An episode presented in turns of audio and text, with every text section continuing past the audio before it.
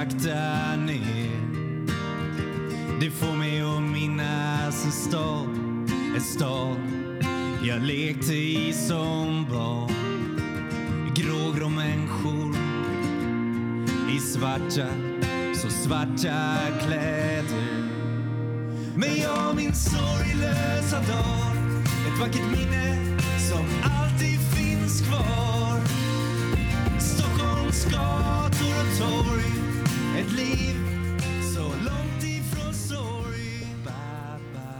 Ja, hej och välkomna till ett nytt avsnitt av Beroendepodden. Mitt namn är Anneli. Välkommen till er som lyssnar för första gången och välkommen tillbaka till er andra. Eh, Beroendepodden är en podcast om alla olika sorters beroende, missbruk, medberoende och psykisk ohälsa. Och jag som driver podden lever själv som nykter alkoholist sen eh, jag är inne på mitt tionde år. Eh, jag är en beroendemänniska men alkohol är min huvuddrog. Ni kan lyssna, om ni vill veta mer om mig så kan ni lyssna på avsnitt ett. Eh, tack till alla er som sprider podden på sociala medier. Det betyder jättemycket. Så fortsätt sprida på Instagram och Facebook och sådär. Så det är verkligen så fler har möjlighet att hitta till podden och eh, förhoppningsvis kunna känna hjälp sig, igen sig och få hjälp. Eller bara för att man är intresserad av att lyssna hur, hur andra har det. Så. Eh, vill man stötta podden kan man göra det genom att gå in på hemsidan eh, och där står det hur man gör. Eh, man kan även anmäla sig till Flatenloppet som är ett eh, löplopp runt Flatensjön den 15 september. 5,8 kilometer. Eh, man behöver inte springa, man kan gå runt om man vill. Eh, det är en fantastisk eh, plats som loppet är, jättevackert och alla år har varit eh, sol så jag räknar med det i år igen. Eh, som sagt, det är flatenloppet.com anmäler man sig på och eh, vi springer ju som sagt för att bryta tystnaden kring beroende, missbruk, medberoende och psykisk ohälsa. Så anmäl er gärna till podden, eh, eller till loppet rättare sagt. Eh, jag vill också tacka Erik Bring, jag glömmer det. Eh, men det är hans fantastiska musik som jag hör i början på varje avsnitt och i slutet. Han finns på Spotify också. Eh, så tack Erik, han spelade i somras på Flatenloppet och jag hoppas verkligen att han har möjlighet att komma även i år och spela. Så. Hemsidan, hjälp att få. Om du själv känner att du behöver stöd och hjälp så finns det faktiskt lite länkar på hemsidan under fliken hjälp att få. Så in och kolla där om du känner att du behöver vända dig någonstans. Så ja, nej men jag släpper in dagens eh, fantastiska gäst istället. En dyster T-baneperrong Ett liv inrutat i betong. Stäng ut det andra med musik. Fokusera allt på att bli rik.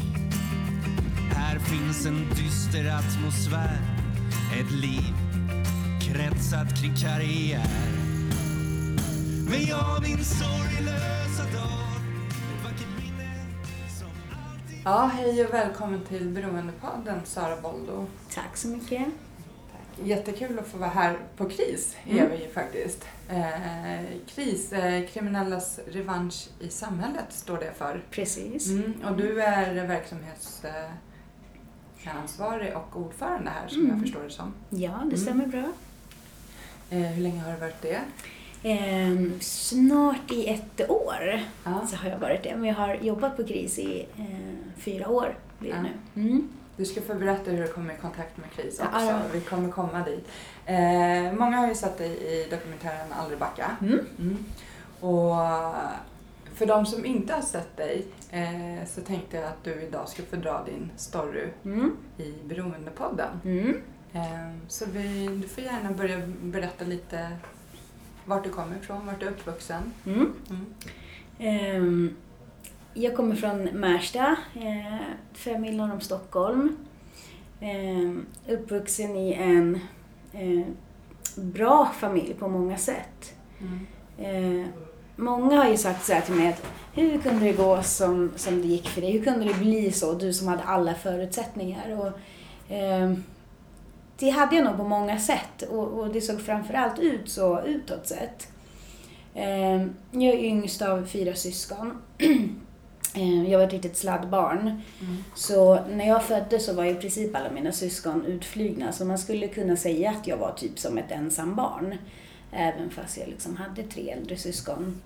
De var ju mycket, mycket äldre än mig. Det skiljer 20 år mellan mig och min storebror. Mm. Eh, och 18 mellan mig och min eh, ena syster och 14 år mellan eh, mig och eh, den yngsta av mina äldre syskon.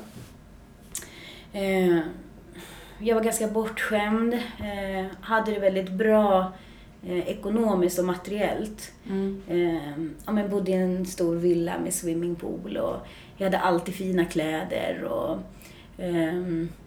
det var väldigt viktigt liksom, för min mamma ehm, med fina kläder, att det yttre skulle vara fint. Liksom, och, ehm, när jag hade kompisar hemma så här så vet jag att hon tittade vad de hade för klädmärken och de putsade skor. Och så att ytan var väldigt viktig liksom, i min familj.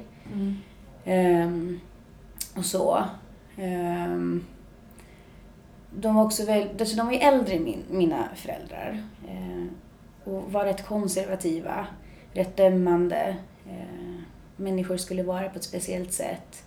Eh, det var väldigt viktigt att man skulle vara, att man kunde föra sig och, eh, och det kan väl i och för sig vara viktigt. eh, så, men, men det var väldigt fokus på hur eh, ja, ytan och hur, hur, hur man ser ut. Eh, status. Mm. Att man har en hög status.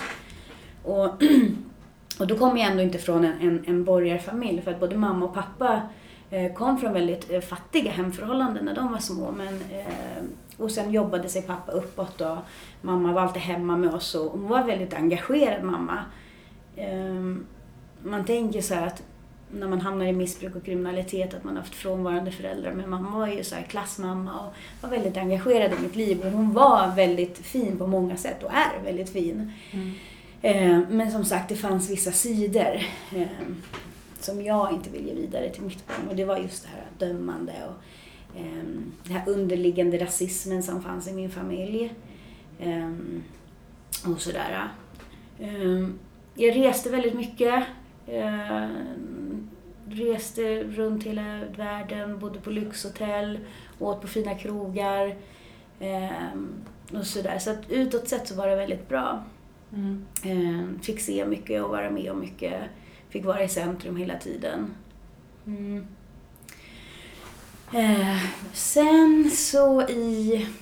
Och det var väldigt, så här, det var väldigt viktigt så här, eh, för mina syskon och för min mamma att jag hade kompisar. Mm. Det var alltid väldigt viktigt. Det var mer fokus på det än att liksom fokusera på att eh, jag duger som jag är och att, att de älskar mig som jag är. Utan det var alltid viktigt liksom att... Jag kommer ihåg min första skola när jag började i ettan. Eh, så jag hade inte gått i... Mamma var ju alltid hemma med mig. Så jag hade inte gått i dagis och sådär. Och eh, lekis hade jag gått i. Men då när jag gick i första klass så eh, vet jag att på rasten så, här, så var jag helt ensam. Jag hade ingen att leka med. Alltså jag ser det framför mig nu. Jag står vid den där stolpen liksom. Och det som försiggick i mitt huvud var så här. Det var inte att jag var ensam utan det var, men vad ska jag säga till mamma och mina systrar? Mm.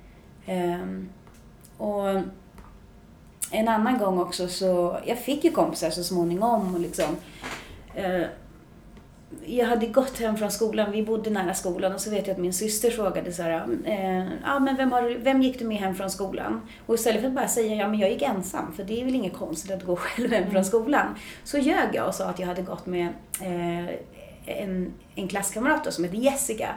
Och då sa hon så här, ja fast det kan inte stämma för jag träffade henne på vårdcentralen och hon var sjuk, hon var inte i skolan idag. Och jag bara, ah nej men jag menade Rosmarie. Och så sa min syster, ja fast jag skojade, jag har inte träffat Jessica.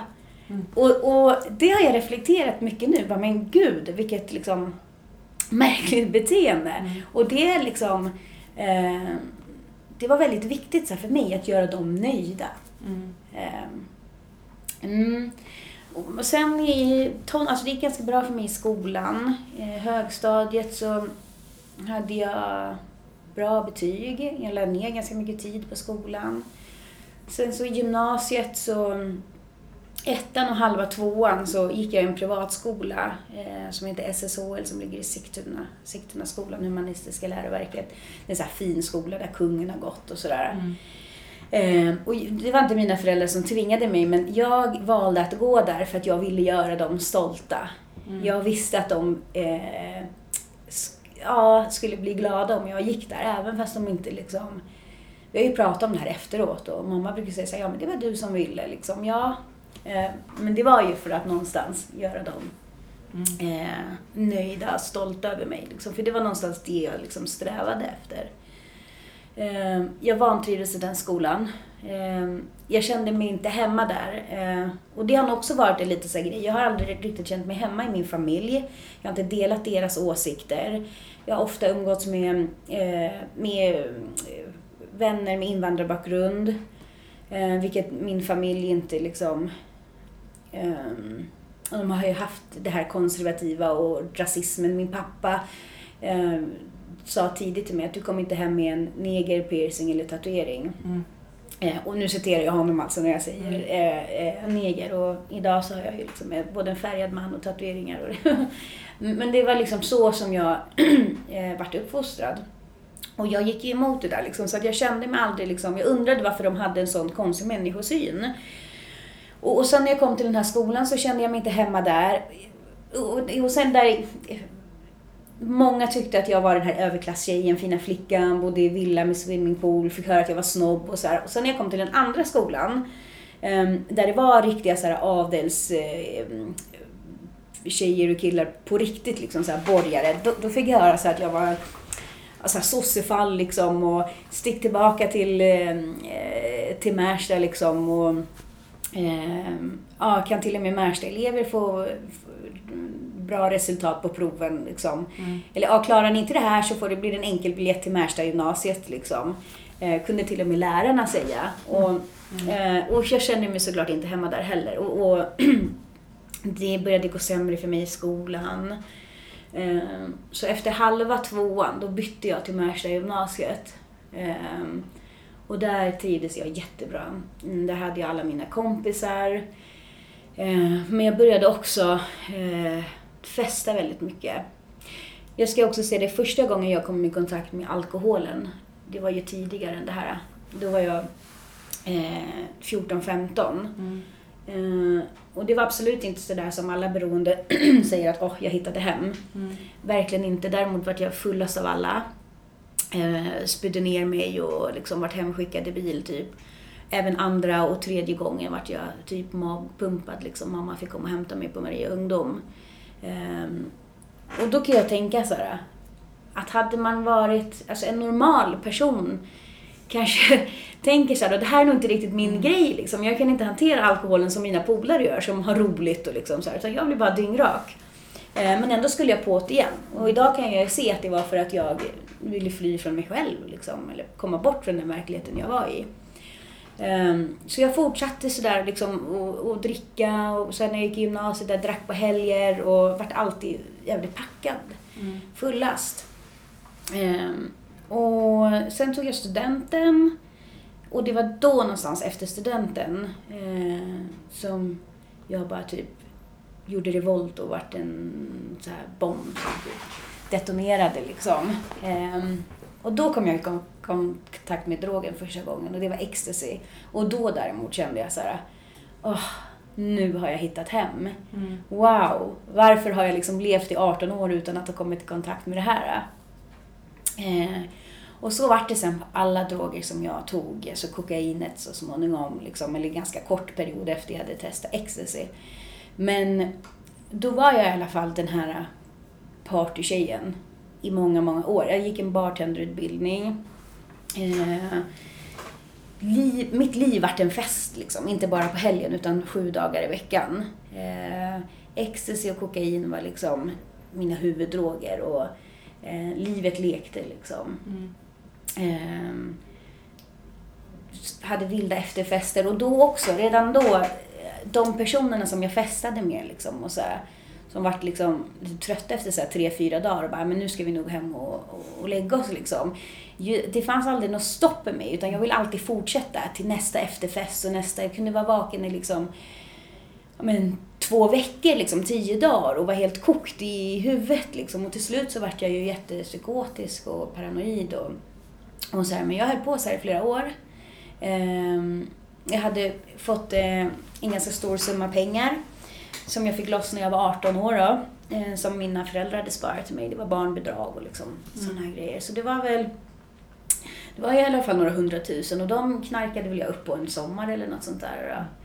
Eh, och sen min bartenderlön, den, den räckte ju inte långt liksom. Så att eh, jag började sälja droger, eh, vart kriminell, vart ganska duktig på det också för att eh, vara tjej. På den tiden var det inte lika vanligt liksom.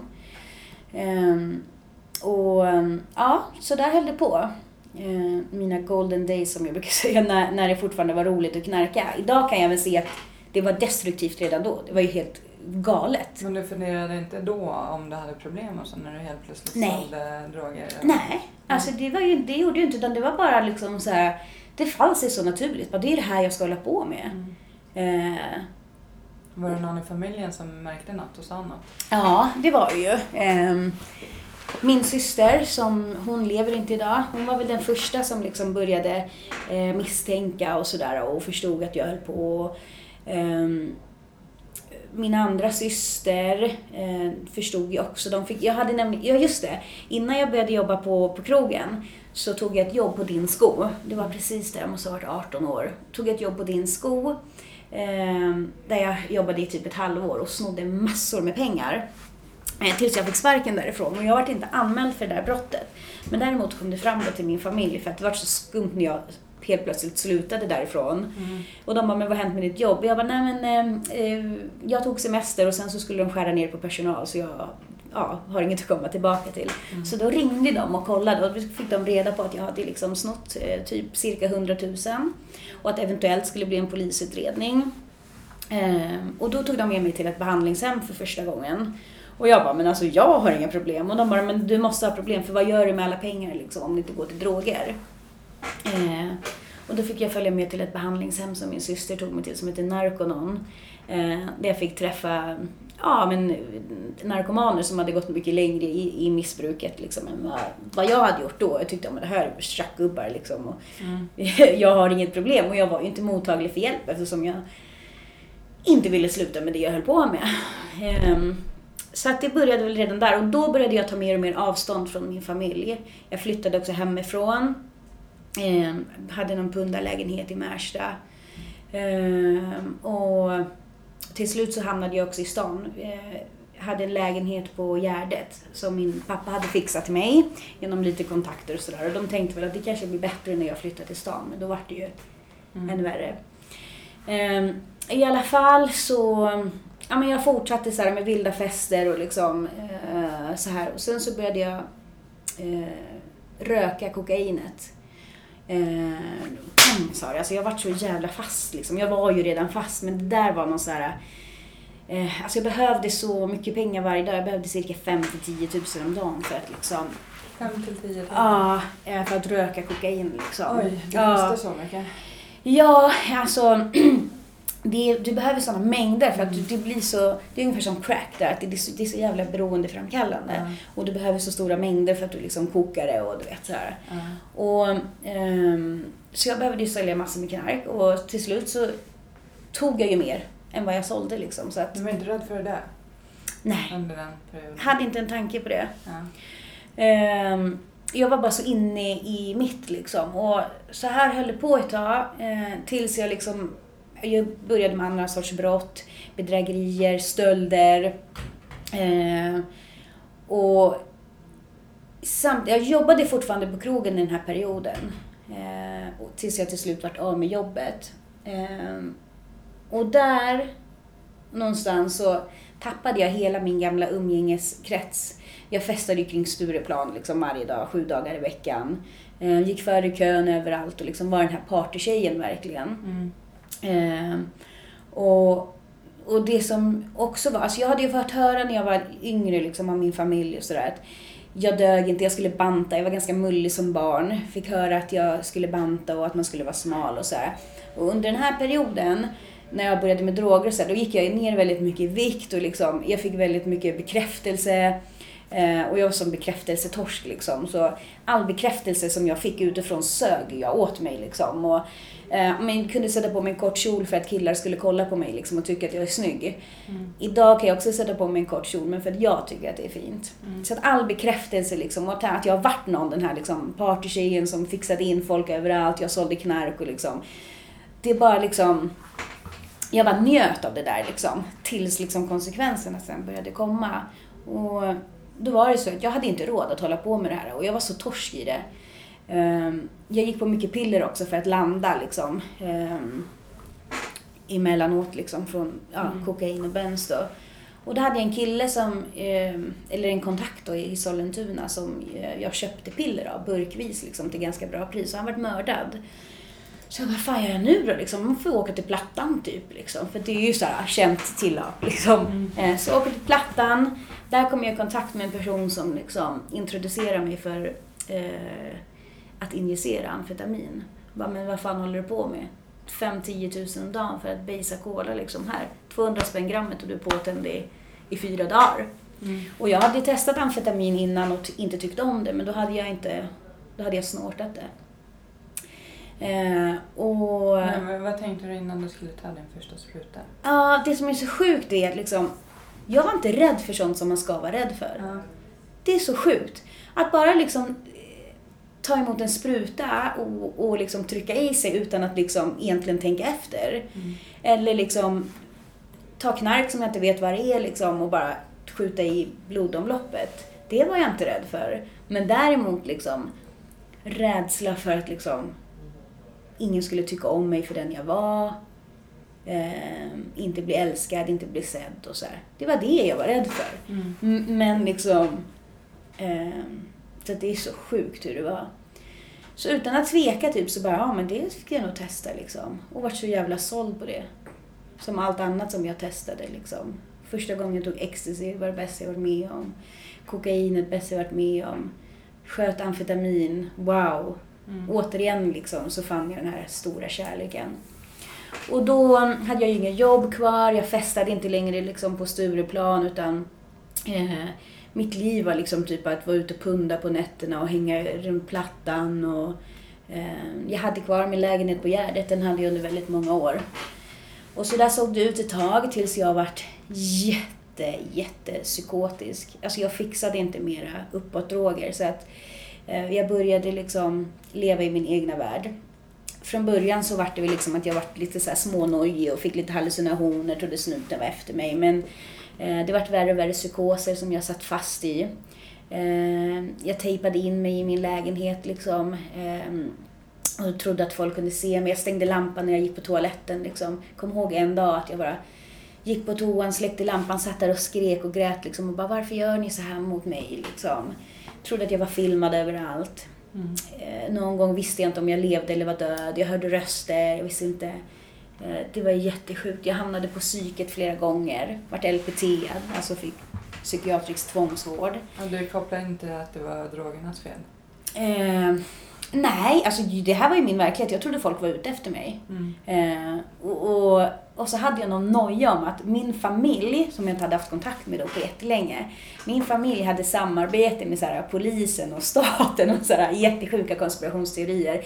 För att de vill försöka få mig att sluta knarka och därför försöker de, de gör så att jag ska tro att jag är liksom paranoid av knarket, men det är inte det. Det är de andra som håller på så här. Det var jättesjukt. Mm. Eh, och, så jag hamnade på psyket. Läkaren sa till mig flera gånger liksom, att om du fortsätter liksom, med allt centralstimulerande så kan du fastna i det här. Liksom. Det är ett under att du liksom, återhämtar dig. Liksom. En gång så eh, var jag så illa däran liksom, att jag, eh, ja, jag hängde ihop med en väldigt sjuk man eh, under en, en kort period. Eh, då hade jag börjat med heroinet också i och för sig. Jag hoppar lite nu men i alla fall. Han, hade, han typ kidnappade mig i min egen lägenhet. Jag fick inte gå ut därifrån. Han sköt i mig massor med amfetamin. Eh, och jag var abstinent på heroin så jag, jag låg liksom kräla typ i mina egna spyor. Och jag fick inte dricka vatten på tre dagar. Två eller tre dagar. Um, och det slutade med sen att man hittade mig i en snödriva utanför min lägenhet. Liksom. Och det enda jag kommer ihåg det är att Eh, folk kommer, någon kommer fram till mig och jag tycker att deras armar bara blir längre och längre och längre och jag känner någon sån här konstig doft. Jag vet inte, det här är så jäkla sjukt. Och då tänker jag så här, nu håller jag på att dö liksom. Och sen vaknar jag upp på sjukhuset. Eh, och då förstår man ju att någonting har hänt och man frågar om jag vill göra anmälan och jag bara nej, det är ingenting som har hänt. Liksom. Sen börjar minnet komma, just det. Han höll mig där i lägenheten, jag var törstig, jag kände mig svag, jag fick inte dricka. Och inte ens då, när jag ändå har möjlighet, att jag ligger på sjukhus, alltså jag har kunnat dött i det här liksom, ta hjälp. Utan det jag gör, det är att jag går ut från sjukhuset och bara går och köper mera droger och har i mig. För att jag kommer till den punkten att jag kan inte leva utan drogerna. Jag måste vara påverkad hela tiden. Och i den här vevan när jag var så psykotisk, då eh, började jag med heroin. Eh, och vart såklart helt såld på det med. Eh, och jag kommer aldrig glömma första gången jag tog det, när allt det här försvann bara. De här paranoid, paranoierna och psykoserna och liksom. Då började jag typ förstå att jag har varit i psykos och nu det här är liksom, det är det här som är det riktiga. Ehm, och ja, jag hamnade i fängelse också flera gånger. Eh, fyra gånger. Eh, tre gånger på typ ett år liksom i, i slutet. Ehm, och ja, men jag levde för att liksom få i mig mina droger. Eh, hängde på plattan, jagade mina eh, jagade pengar, jagade droger. Det var det livet gick ut på liksom. Eh, åkte in i fängelse, åkte in på avgiftning, psyken. Eh, så den här partyprinsessan liksom var ju borta för länge sedan. Mm. Eh, jag tog överdos, samma sak där. Vaknade upp på sjukhus, kopplade ur slangarna och bara, jag måste ut och drifta och fixa pengar till droger. Liksom. Och jag trodde att mitt liv skulle sluta sådär. Alltså jag hade kommit till en punkt där jag försökte inte ens sluta utan jag hade liksom kapitulerat åt det andra hållet att men jag är narkoman. Jag vill inte sluta, jag vill inte ha det där Svenssonlivet. Någonstans så var det ju bara det jag drömde om innerst inne. Ehm, men istället vart det att jag liksom ehm, såg ner på det och förkastade det och liksom, nej det är så här jag ska leva.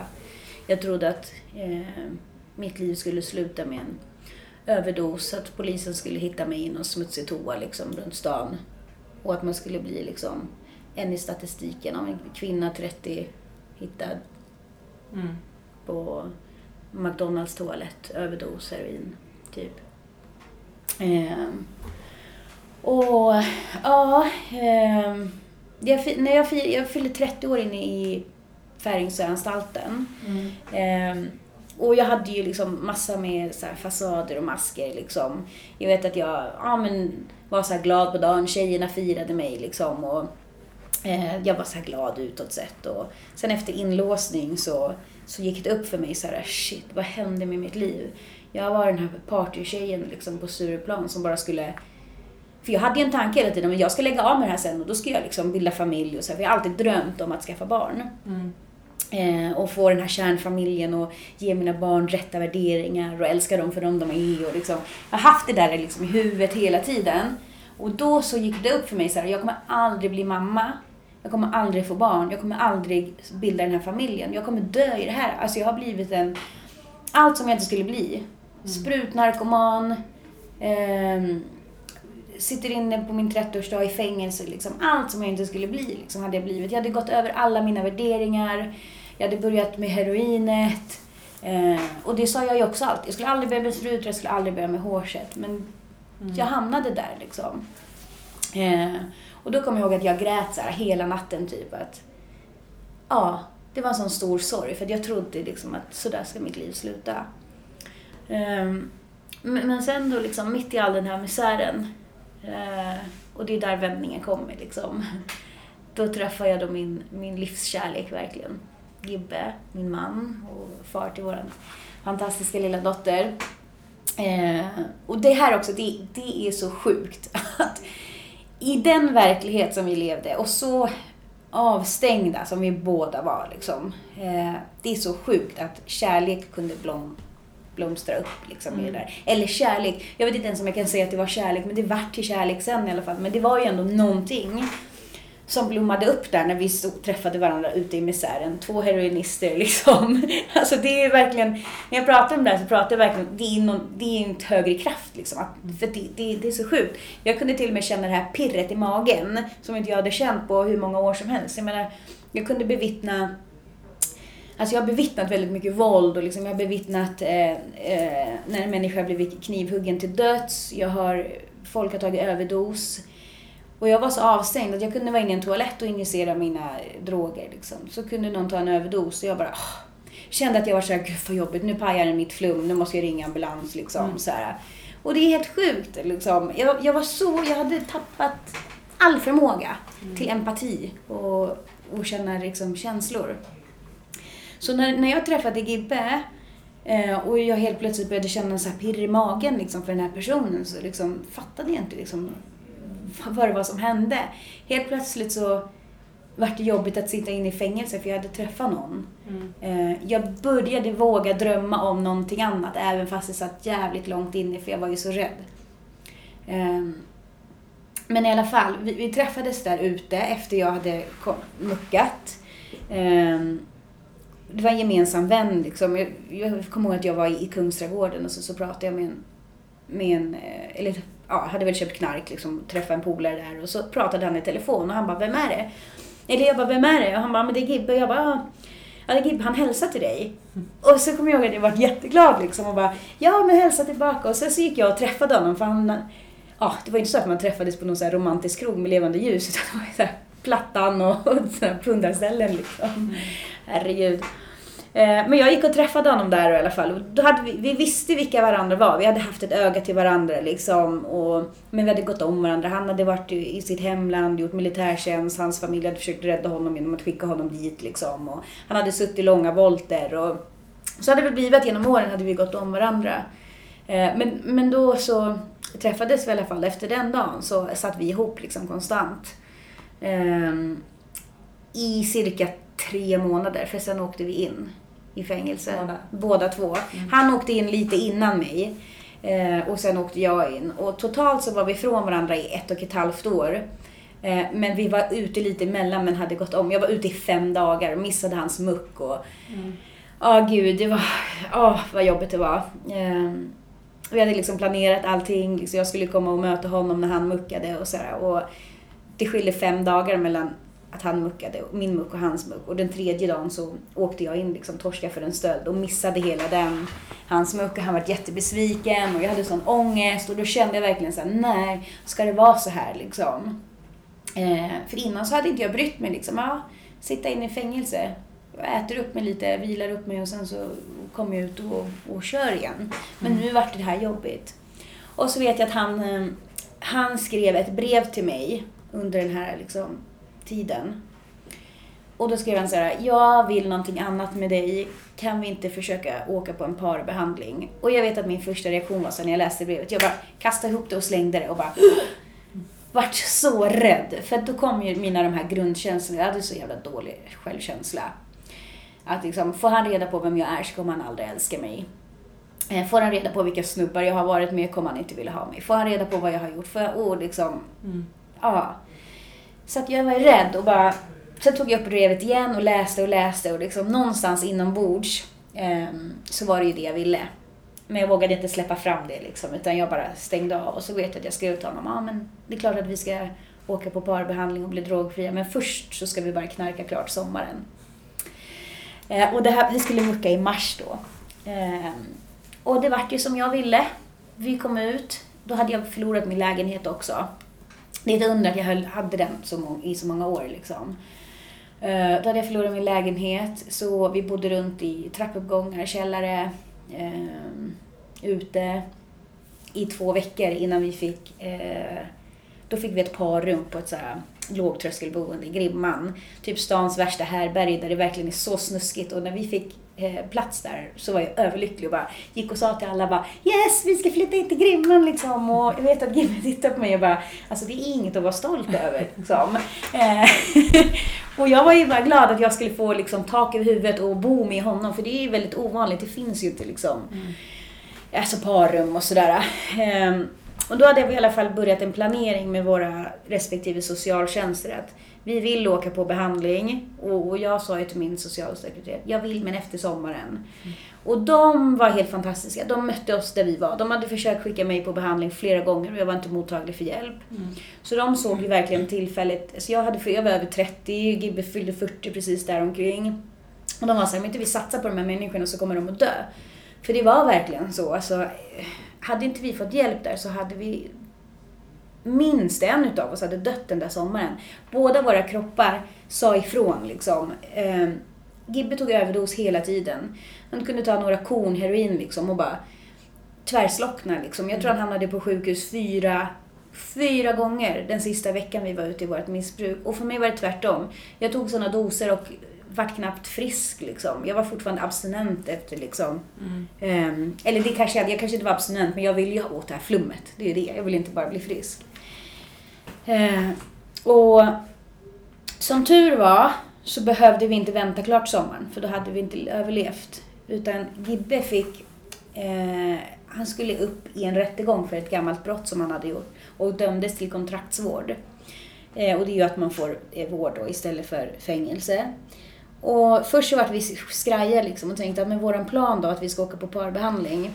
Men frivården och socialtjänsten och lät oss eh, behålla den här planen liksom, fast vi fick åka direkt. Jag fick följa med som solplacerad från socialtjänsten och Gibby får gå på kontraktsvård. Mm. Um, så att den 5 juni, 5 juni 2013 så la vi in oss på avgiftning uh, och där började vår resa. Och sen så fick vi komma då på det här behandlingshemmet för par. Eller det var både för tjejer och killar också kunde man komma som par. Mm. Ulfshyttan hette det och låg i Borlänge. Eh, jättebra ställe. Det kommer alltid eh, ligga mig varmt om hjärtat. Eh, ja. Men det finns inte kvar nu? Det finns tyvärr inte kvar, men det kommer alltid finnas kvar i mitt hjärta.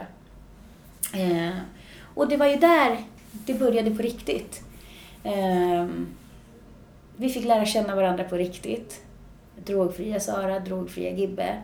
Eh, jobba med oss själva, men med oss själva var och en för sig, men vi fick ändå liksom vara där tillsammans, växa tillsammans, men eh, göra var och en vår egen behandling så att säga. Mm. Eh, och fick jobba med allt. Våra liksom fick lära oss först och främst att liksom, vi lider av en sjukdom. För jag började tänka så undrar om jag är psykopat, har förlorat förmågan att känna känslor. Liksom. Mm. Eh, och lära oss allt om liksom, sjukdomsbegreppet och vad är det som gör att jag knarkar? Vad är det som gör att jag inte kan liksom, eh, hålla mig clean? Och, ja, men all sorg, skuld, skam, ilska och eh, våra uppväxter, allt och liksom komma till en försoning med det.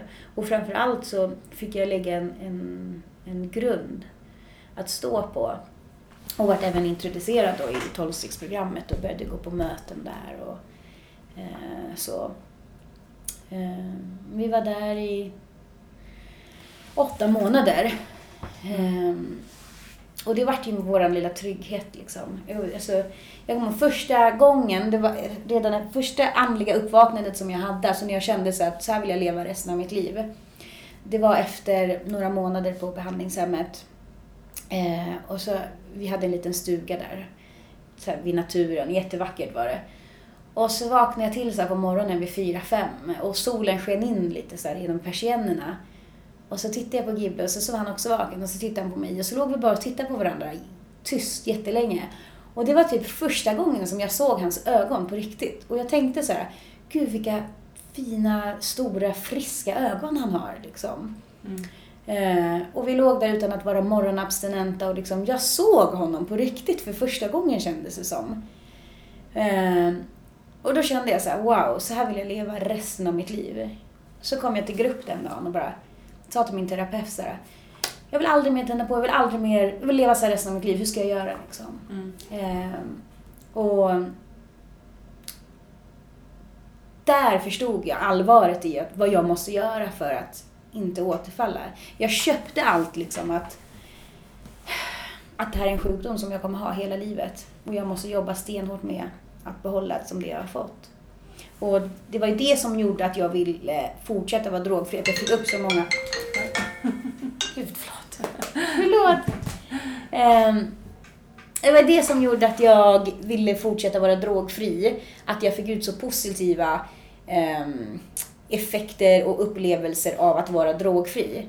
Från början så var det mycket så konsekvenserna som gjorde att jag liksom ville bli drogfri och att jag hade träffat Gibbe såklart. Jag orkade inte leva med de konsekvenserna med fängelse och så här, när jag hade någon. Men sen när jag fick börja liksom tillfriskna, eller börja bli drogfri. Tillfriskna gjorde jag ju nog mer sen när jag kom hem. Men jag fick bli drogfri där på behandlingshemmet. Och... eh, vad skulle jag säga om det nu då?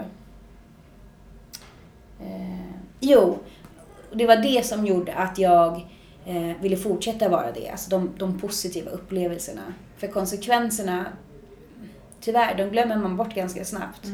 Det är inte det som gör att jag håller mig drogfri idag bara för att det, jag får så stora konsekvenser när jag använder. Dels det, men dels att jag har fått ett jävligt schysst liv nu.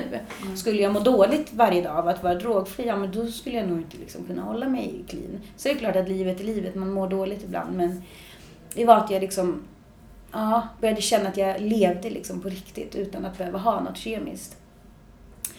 Och ehm, ja, eh, sen var det dags för oss att flytta därifrån då. Och det ville inte jag. Det hade blivit ju min lilla trygghet där. Så jag ville inte tillbaka till Stockholm för jag var så rädd att liksom falla tillbaka. Ehm, men jag hade som sagt fått massor med verktyg och jag hade en, så här, en tillfrisknande plan eh, som jag skrev med min terapeut, liksom, vad, vad jag behövde göra liksom, för att eh, fortsätta hålla mig clean. Och då, jag skulle gå på möten varje dag, jag skulle skaffa en sponsor, jag skulle börja vara på KRIS.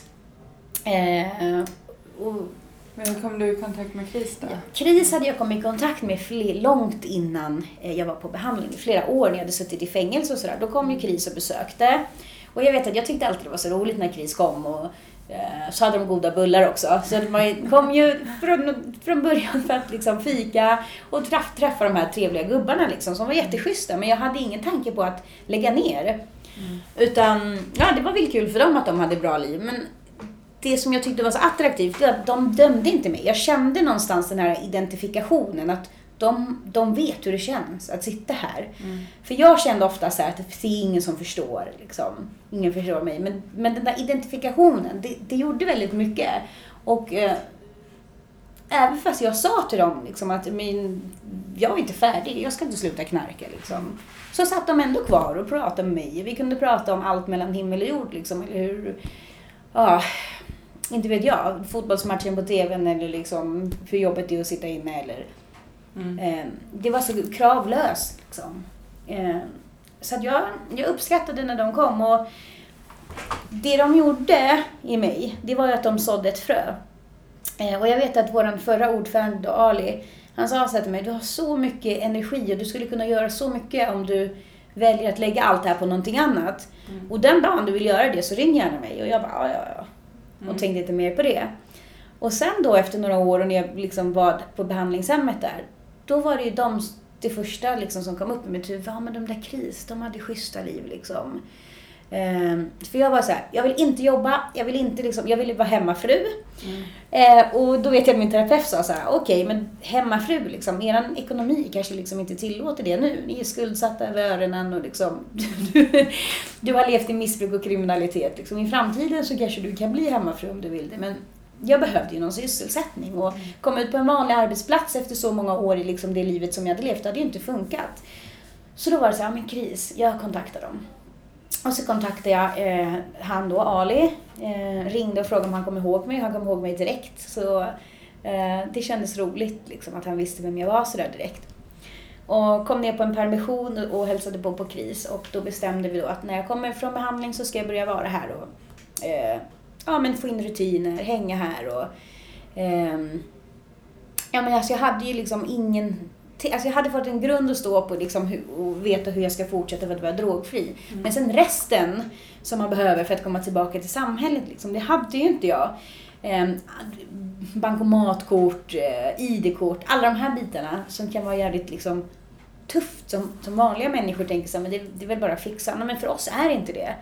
Eh, kunde inte få ett bankkort liksom från, från början för jag hade hasslat typ varenda bank. Liksom.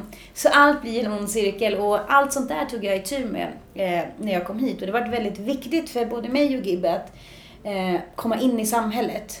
eh, börja ta ansvar. Men blev Gibbe också delaktig i kris? Ja, men precis. Det var meningen att jag skulle börja här först bara. Eh, och då gick han till Krami. Eh, och sen ville jag få in honom hit. Liksom, kris är jättebra liksom. Och han var så här, eh, det här klassiska som vi kan se nu idag när vi hjälper människor. Liksom. Han hade ganska bråttom att liksom, han skulle skaffa ett jobb liksom, och, så här, och pengar skulle komma in direkt och sådär.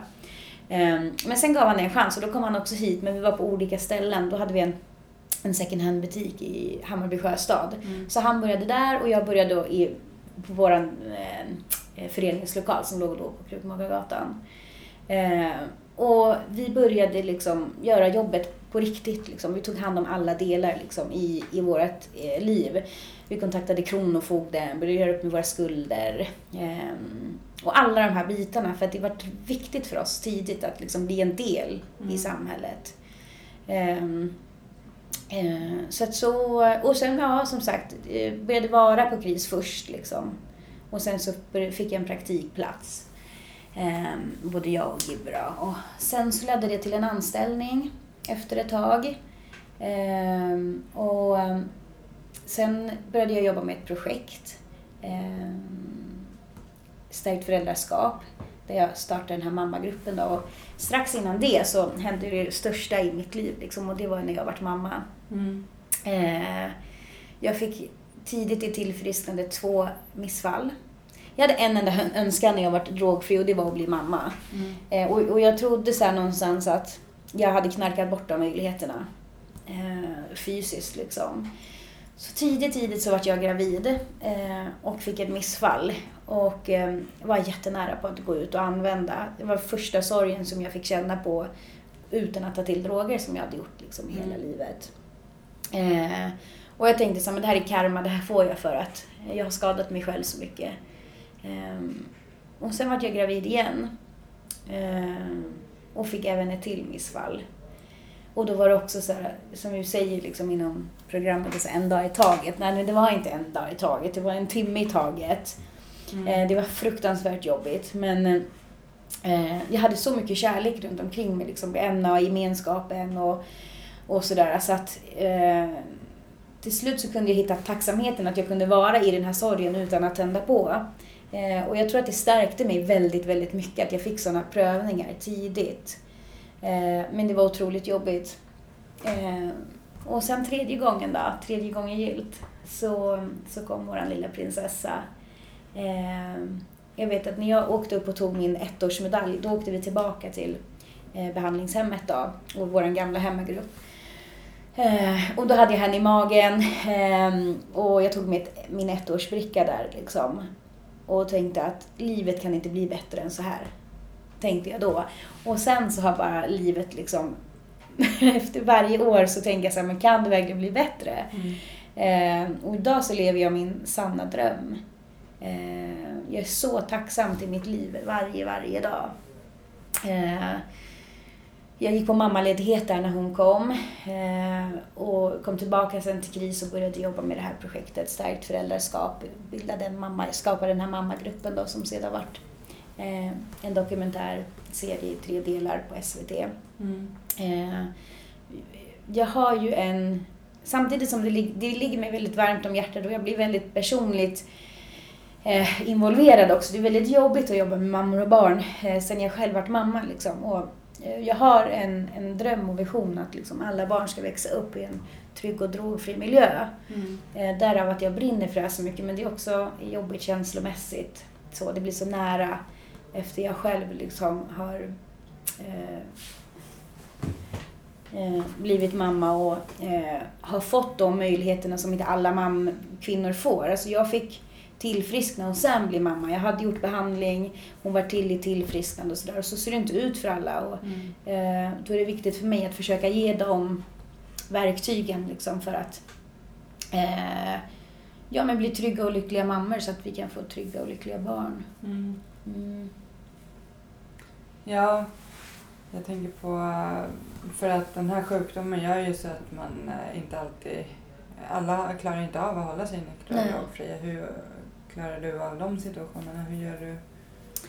Alltså jag, idag så är jag helt befriad från, från drogsug. Eh, jag har inte varit drogsugen en enda gång faktiskt sen eh, sen jag varit gravid.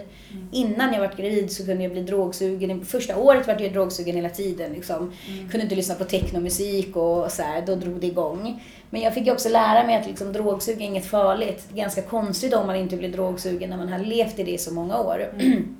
Så att jag har ju fått verktyg att liksom handskas med om jag nu får ett drogsug. Jag vet att det oftast kanske beror på någonting. Eh, om jag är orolig, om jag är ledsen. Eller så kan det bara jag bli påmind om någonting. Mm. Eh, och jag har ju mina möten som jag går på. Jag jobbar i, i stegen. Eh, och, och det är där liksom lösningen ligger. Eh, så att jag säger idag liksom till tjejer och så men drogsug är inget farligt. Bara man inte handlar på det. Mm. Eh, och då gäller det att gå på möten. Alltså mitt, som jag säger, mitt tillfrisknande och Milena, liksom min dotter, eh, det är det viktigaste jag har. Milena är det viktigaste jag har och för att hon ska vara det viktigaste så måste tillfrisknandet också vara det viktigaste. Så att de två ligger liksom på, på första plats. Mm. Eh, och det är jätteviktigt för mig att aldrig glömma bort var jag kommer ifrån. Jag har sett det så många som tror att de är friska och jag har sett så många tjejer som är drogfria som tror att barnet ska, ska fixa, mm. ja, ska rädda en. Mm. Um, och så är man drogfri under graviditeten och så tänker man att um, ja, men det här är, är min räddning, det här är min lösning. Och så, så får man barn och så är man på rosa moln ett tag. Och um, sen så kommer vardagen ikapp och har man inte liksom jobbat med sig själv då, eller fått de här verktygen så återfaller man. Mm. Um, så jag är tacksam att jag liksom har fått de här verktygen som inte...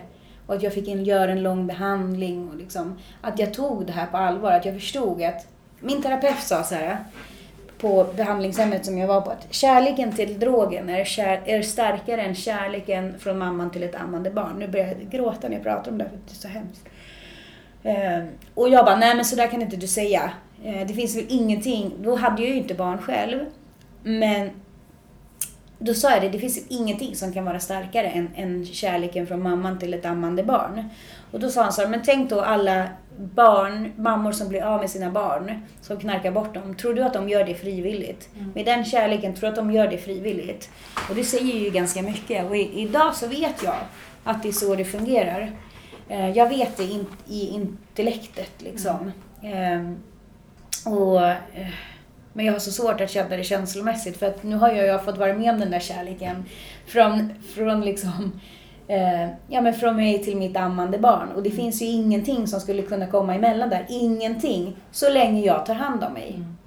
Mm. Eh, så enkelt är det. Så därför är det ju så otroligt viktigt. För idag har jag ett val. Det finns ingenting som gör att jag skulle välja bort min dotter. Jag väljer idag. Kliver jag på och tar den där första, vad det nu är, drinken, ölen, linan. Då, då har, kan inte jag, det spelar ingen roll. Eh, då kan jag inte vara en bra mamma. Eh, därför väljer jag idag att inte göra det. Eh, mm. Mm. Jo, men det, min son var ju åtta, åtta års ålder när jag blev nykter. Mm. Och jag förstod också det rätt så tidigt. Att ja. Ska jag kunna vara en bra mamma och överhuvudtaget ha mitt barn då måste ja. jag ju sätta min nykterhet först. Precis. Liksom. Precis. Um, du pratade en del om dålig självkänsla här. Det är ju någonting som också är en röd tråd eh, bland alla alkoholister, narkomaner och beroende jag har träffat. Liksom, hur har du har, jobbat mycket med den? Och... Jag har jobbat jättemycket med den. Alltså, för den har ju gått som en röd tråd genom, från min barndom. Mm. Eh, till alla år i missbruk eh, och sen så då till att bli clean liksom. Eh, och så mycket, mycket fokus inom mitt stegarbete och så här, har ju varit just självkänslan. Eh, och att börja märka själv att liksom, oj, jag börjar kunna sätta värde på mig själv, kunna tillgodose mina behov. Jag kan eh, från början så hade jag ju aldrig liksom kunnat tänka mig att jag skulle prata inför liksom, eh, människor sådär. Gud, tänk om jag gör bort mig och liksom sådär. Eh, och sen första gången, sen hamnade jag på KRIS liksom och nu är jag ordförande i KRIS och jag, mitt jobb består eh, i stort sett av att hela dagarna prata inför eh, människor och seminarium och föreläsningar. Och egentligen så, jag hatar det. Jag hatar att prata inför folk. Så den första, första så stora grejen jag skulle göra så vet jag att jag sa så här, hur har jag hamnat i den här situationen? Jag vill inte göra det här, jag vill inte prata inför folk. Och då sa vår förra ordförande, men det är oftast de människorna som har ett budskap som tycker det är så jobbigt och det är därför liksom det, kom, det blir så bra. Um, men från början så, så, så gjorde jag ju inte det. Um, men idag, så jag kan fortfarande vara väldigt, väldigt nervös. Men det är okej. Okay. Mm. Häromdagen, eller för ett par veckor sedan, så skulle jag göra, hålla ett tal i Mynttorget. Det var i samband med eh, gruppvåldtäkten i Fittja. Mm. Och sen så var, hade jag varit jättestressad innan för jag hade varit inne på häktet. Eh, kommer med bilen i Gamla stan och där får man ju nästan inte köra någonstans. Eh, och, och kommer med bilen och får typ backa sen upp. För jag hamnade så det var enkelriktat överallt. Fick backa genom hela Gamla stan. För jag vevade ner rutan och bara ah jag hamnade helt fel. Hur ska jag liksom komma till Mynttorget? Och de bara Det är enkelriktat överallt och du får backa hela vägen tillbaka. Och jag hade ju bara kört och kört och kört. Så jag känner hur svetten rinner. Jag ska typ börja det här talet om fem minuter. Jag får ställa bilen någonstans liksom och springer dit.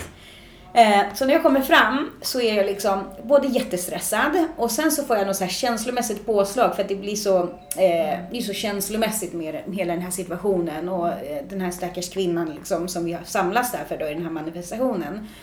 Samt att jag blir väldigt nervös. Så när jag ska gå upp då och prata så har jag en, en lapp så här i vänster arm och handen bara börjar skaka så här jättemycket. Man ser det sen efteråt på film och allting. Och så bara ska jag lägga ner den där. Eh, och då ser jag inte pappret så jag tar upp den igen och det blir verkligen, eh, ja, inte så bra. Och hade det varit för några år sedan, då hade det varit katastrof för mig. Mm. Just på grund av liksom min självkänsla. Jag hade slagit på mig själv och berättat för alla hur dålig jag var och säkert bett om ursäkt där i mikrofonen att liksom, förlåt för att det vart så här. Men med skillnaden idag är att ja, jag kan se att det vart inte, det jag var nervös och så här, men det är okej. Okay. Mm. Det är helt okej okay. och det är nog det som eh, oh, men det är det som är den största utvecklingen, liksom, eller vad man nu ska säga, den största vinsten av det här med självkänsla. Att jag inte liksom, jag duger som jag är. Mm. Eh, det behöver inte alltid vara så perfekt hela tiden. Eh, mm. Mm. Ja, jag ler för jag känner igen mig så mycket i ja. mycket du har sagt ja. under den här timmen. Liksom, och just där med, med självkänsla och våga göra de här sakerna. Och det är okej att faktiskt inte bli perfekt. Alltså man duger ändå. Precis. Liksom. För jag tror att det är någonting som är så otroligt vanligt att, att även om man inte växer upp i ett hem där det är missbruk som syns. Det här dysfunktionella som Precis. du pratar om. Det är det här att man kanske inte har fått med sig, lära sig vad självkänsla är. är att man Precis. duger för den man är. Även om man har något kilo extra eller Precis. inte. Eller liksom det där. Um, för, för jag visste själv inte vad som var dysfunktionellt förrän Nej. jag själv blev nykter. Samma här. Och så här, okej, okay, det är när man inte pratar känslor, mm. det är när man inte blir sedd, det är när Precis. man inte... Alla de här bitarna liksom. Precis. Och det är det som är så fint att vi faktiskt kan i vuxen ålder få mm. lära oss. Eh, så nu blir jag också sett tårögd. ja, men det...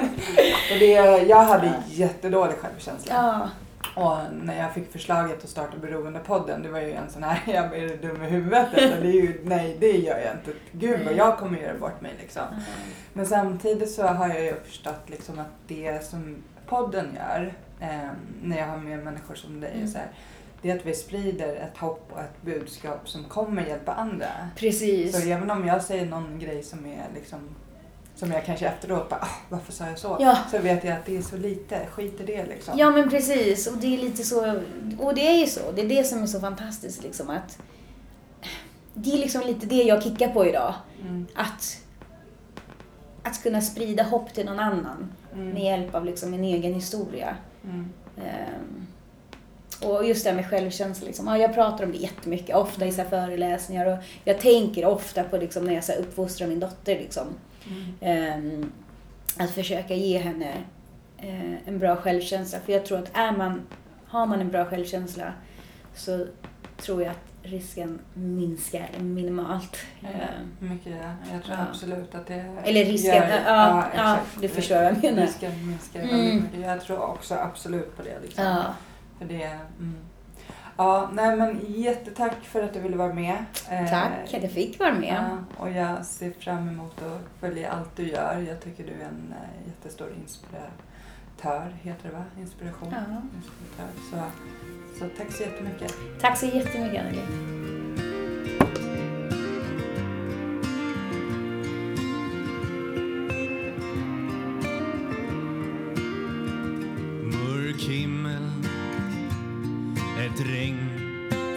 Sakta ner.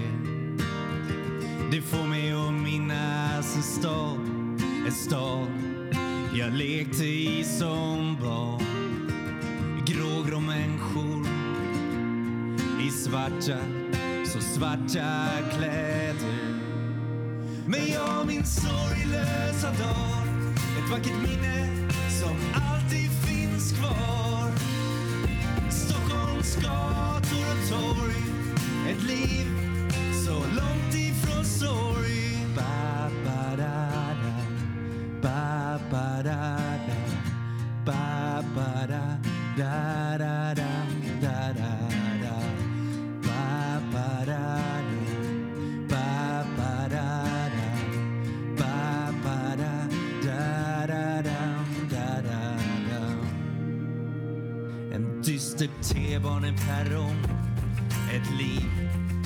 inrutat i betong.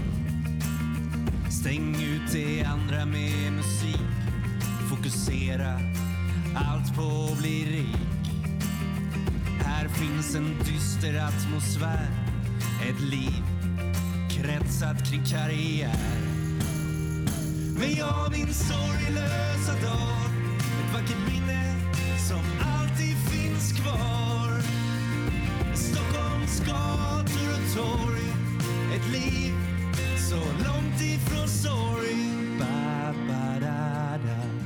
Ba, ba, da.